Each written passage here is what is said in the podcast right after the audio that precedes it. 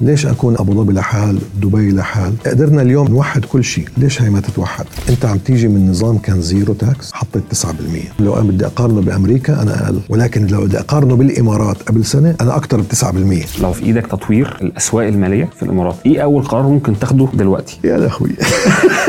طب الأستاذ محمد. اشرب اشرب. اسألني أسئلة محرجة أعمل لك إياها يا محمد.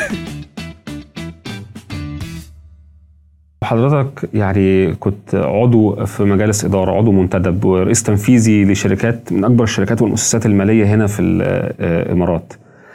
آه، لو حضرتك النهارده في إيدك ملف تطوير الأسواق المالية في الإمارات إيه أول قرار ممكن تاخده دلوقتي؟ سؤال مهم. آه بعرفش إذا عندي قرار واحد يعني هلأ. شوف آه نحكي اللي قلنا واللي علينا. اللي قلنا إنه ك ك كمنظومة تنظيمية هون خطونا خطوات كبيرة سواء كانت كهيئة أوراق مالية أو كأسواق إدارات أسواق موجودة. واستطعنا اليوم أن نصل إلى مراحل من التقدم وإلى مستويات عالية ضمن النطاق اللي إحنا بنشتغل فيه. النقطة اللي دائما الكل بيحكي فيها وآه ولا وليش وفائدتها ومش فائدتها. أنا برأيي اليوم إذا بدي أخذ قرار اول قرار وبايدي القرار بوحد السوقين بعمل سوق الإمارات للاسهم سوق أبو ظبي ودبي مع بعض. يصيروا سوق واحد. ليش أكون أنا قاعد مرات أبو ظبي لحال دبي لحال؟ قدرنا اليوم إحنا آه نوحد كل شيء. ليش هي ما تتوحد؟ هل المنافسة جيدة؟ نعم منافسة جيدة. ولكن اليوم هل هل باعتقادي أنا لو إحنا توحدنا كسوق واحد نستطيع أن نكون كتلة جاذبة أكبر للاستثمار الأجنبي؟ أنا برأيي نعم. وفي محاولات صارت سابقة أنه مثلا الهيئة تعمل شاشة أسواق الإمارات تحط الأسهم موجودة. وأنا أعتقد هون فيها الموضوع وفي محاولات كانت جادة في عمليات أنه يصير عمليات يعني مفاوضات فيها. بفضل أعملها وإحنا كأسواق أقوياء وليس لما يكون عندنا إحنا دوره اقتصاديه ضعيفه والاسواق في تراجع. طيب يعني لو بصينا على الأرقام بتاعة اقتصاد الإمارات من بداية السبعينات يعني هنقول فترة الاتحاد أيوه كنقطة مفصلية ليه الآن إحنا بنتكلم إن كان الاقتصاد تقريبا لا شيء يذكر في سنة 80 كان حوالي 40 مليار آه، سنة 80 كان حوالي 40 مليار آه، دولار تقريبا أيوة. قيمة اقتصاد الإمارات النهارده قيمة اقتصاد الإمارات حوالي 500 مليار. ما شاء الله. وهناك آه، خطط حكومية جادة إن هي تضاعف هذا الرقم آه، بحلول 2030 2031 تقريبا. نعم. يعني يعني حوالي سبع ثمان سنين من دلوقتي الإمارات بتفكر إن هي تضاعف حجم اقتصادها. ما شاء الله. بالنسبة لحضرتك ده يعني لك إيه؟ لو مستثمر. يعني هي مش بس لإلي مفروض لكلياتنا هون كساكنين في هاي الدولة. أنا برأيي إنه اليوم هذه تمثل أول شيء فرص. يعني لما يكون عندك اقتصاد بده يتضاعف أو بده يكبر 10 20 أنت بتحكي قاعد إحنا بنحكي عن نسب النمو بالناتج المحلي هلأ قاعدين بنحكي في دول على 1% و2% لما تحكي أنت بدك تضاعف على خمس سنين أو بدك تضاعف على 10 سنين بتحكي بدك على 10% سنويا. هذا مش رقم سهل بنجاب.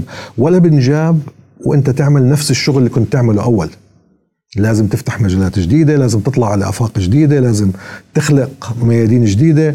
يعني أنت آه، إحنا عم نحكي هلا هذا وعم نحكي على انه الامارات حتكون اول دوله عربية تنزل على آه، تنزل على القمر والرابع بالعالم. انت بتحكي من السبعين لو كنت تحكي هيك انه إحنا حنوصل هيك كان بقول لك انت مش مش هون. فالطموح الطموح هذا الموجود والتاريخ يثبت انه استطاع نستطيع أن نحقق ذلك إذا كان في عندك العمل الجاد. لذلك الناس اليوم لما تيجي القيادة تقول أنا بدي أضاعف بيجي بقول لك آه هذا حيصير. بالتالي أنت بدك تكون جزء من هذا عملية النمو.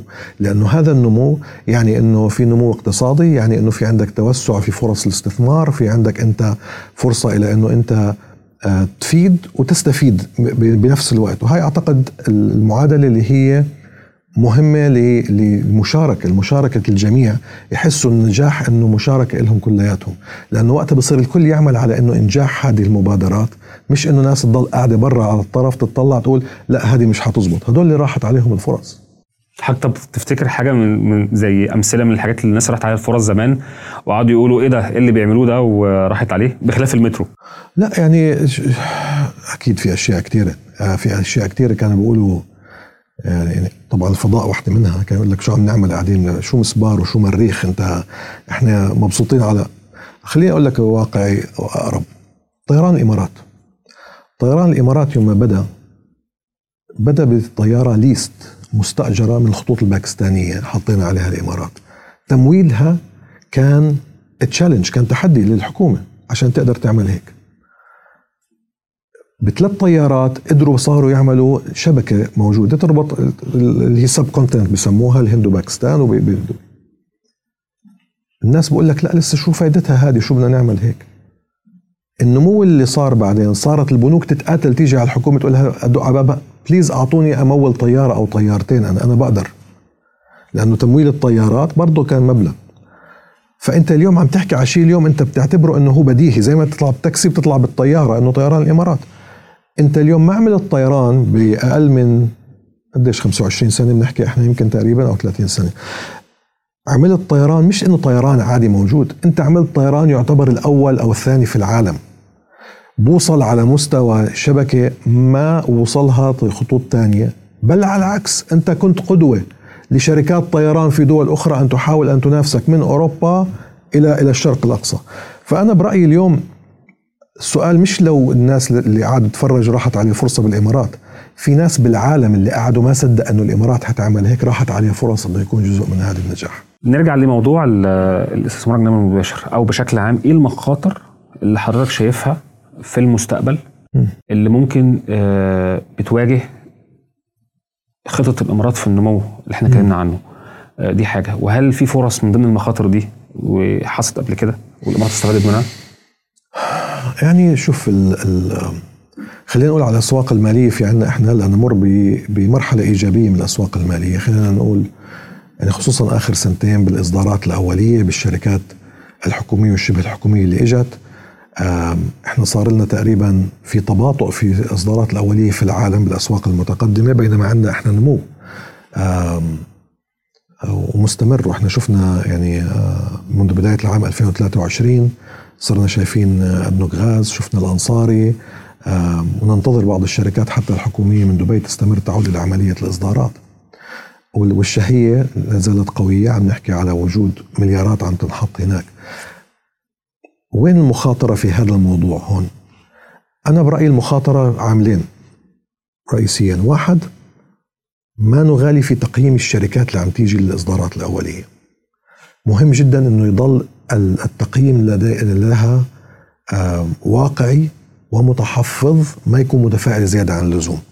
لأنه مرات إذا أنت صرت أنت تتفائل زيادة عن اللزوم بالتوقعات قد تخلق آه، قيمة أعلى من ما قد تستطيع أن تصل إليه. وإذا صار عملية فشل في الوصول إلى هذه القيمة في الوقت اللي تحدثت عنه تؤثر على مصداقية بقية الإصدارات اللي جاية معك.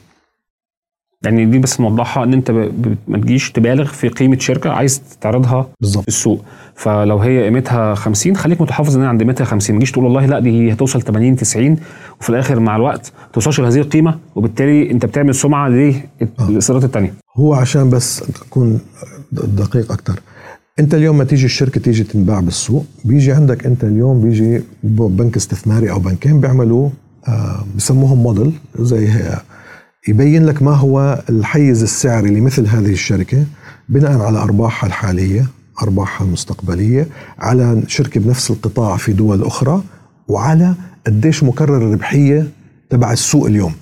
فأنت اليوم هذا هذا التقييم بتغير حسب المعطيات هذه. إذا أنت فبيجي بقول لك إنه هاي الشركة اليوم ممكن أنت تنباع على مكرر ربحية ما بين 8 مرات إلى 12 مرة. هذا إذا كان مكرر ربحيه بالسوق 20 مرة أنت اليوم عم بتبيعه على ديسكاونت so, أنت عم تعطيها فرصة للشركة إنه بعد ما تبيعها يعني زي ما بيقولوا you leave money on the table تركت أنت فلوس للمستثمر الجديد اللي جاي إنه يقدر يعمل فلوس. ليش هذا مهم؟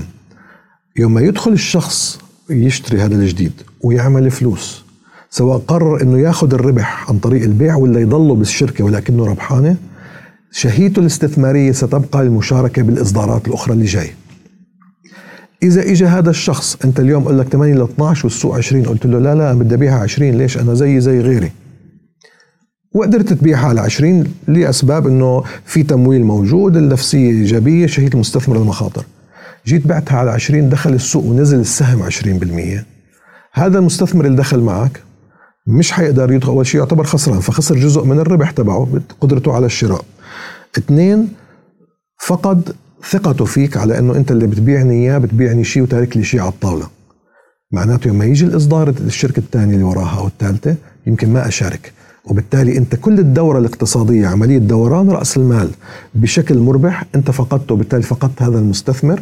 وهذا اللي بيأثر مرات اللي بنشوف ال dot com bubble والشغلات إنه at one point بتيجي عندك شركات تنباع تقييم عالي تدخل السوق بتنزل فقاعة وفقاعة وتنفجر. وهذه إذا صارت أكثر من واحدة صار عندك الفقاعة اللي بنحكي عنها وبصير عندك عملية التأثير السلبي لعملية جذب هذا المستثمر سواء محلي ولا أجنبي يعني. طب في المخاطر الثانية حضرتك؟ مخاطر تانية من ناحية الاستثمار الأجنبي أنا بعتقد أنه شوف الشفافية مهمة ويجب أن نحافظ على موضوع الشفافية. التعامل عدالة التعامل ما بين المستثمر الأجنبي والمستثمر في, في ظل المنظومة الاقتصادية مهمة جدا تضل وتكون واضحة. يكون عندك في عملية ما يكون في مغالاة في عملية الضرائب. يعني أنت اليوم عدو الاستثمار الأجنبي دائما اللي بيجي عندك هو دائما ال tax سواء أنت كنت في بلد متطور ولا جديد. إحنا في دولة الإمارات هلأ إحنا حيبدأ عندنا مثلا دخول ال corporate tax 9% لا زال القانون يتم عملية تنقيحه فيما هي بعض القطاعات وبعض الشركات. وإن كان هو وضع على عند مستوى منافس مقارنة مع المستويات الضرائب في منطقة الخليج منطقة عربية إلا أنه هذا رقم جديد جاي. فأنا برأيي اليوم هاي التسعة بالمية اليوم انحطت. لو مثلا إجت على الشركات المساهمة أنت لما يكون ربح الشركة اليوم أنت عندك يكون أنت عندك مليار وتيجي أنت 9% إذا كانت هذه بتحكي أنت قاعد على 90 مليون درهم. يعني في مبلغ هذا اليوم وين بيجي؟ هذا كان ممكن يكون أرباح مدورة بالشركة. فأعتقد عملية الفترة اللي قادمة هاي في معالجة هذا الموضوع بحيث إنه وما يكون له تأثير عالي على آثار أرباح الشركات ما يأثر على المستثمرين على العائد اللي بده يأخذوه من الشركات. نقطة مهمة إنه نشوف إنه ما تأخر عملية استمرار الدورة الاقتصادية. الايجابيه اللي إحنا فيها. بس هي حضرتك يعني المعدل 9% هو الأقل تقريبا عالميا بالمقارنة بدول تانية. آه لو قلنا المتوسط العالمي يعني هنشوف مثلا في أمريكا لو أنت مستثمر وبتدور على دولة عايز تستثمر فيها أمريكا المتوسط عندها 20 30% في الرينج ده. آه في أوروبا بتوصل في بعض الأماكن آه ل 40% آه فأنت هنا فعليا في المنطقة حتى على مستوى المنطقة أنت الأقل آه كمعدل. فمعظم التوقعات بتتكلم إن زي ما شفنا ضريبة القيمة المضافة كانت 5% ما حدش حس بيها. نفس الفكرة 9% طبعا 9% بس هي ك آه، على مستوى عالمي هي تعتبر من الأقل. وبالتالي لأن العالم النهارده كمان آه، زي ما حضرتك شفت كان في اجتماع مجموعة السبع وغيرهم وغيرهم كانوا بيتكلموا على فرض ضريبة عالمية 15% كمعدل. آه، كمعدل وبالتالي يجب على الدول كمان هي تندمج مع النظام العالمي في موضوع الضرائب. طبعا هي كان في متطلبات إنه يكون في هيك بس أنا برجع بقول ال ال أنت عم تيجي من نظام كان zero tax حطيت 9% أي نعم لو أنا بدي أقارنه بأمريكا أنا أقل. لو بدي أقارنه بالسعودية أنا أقل.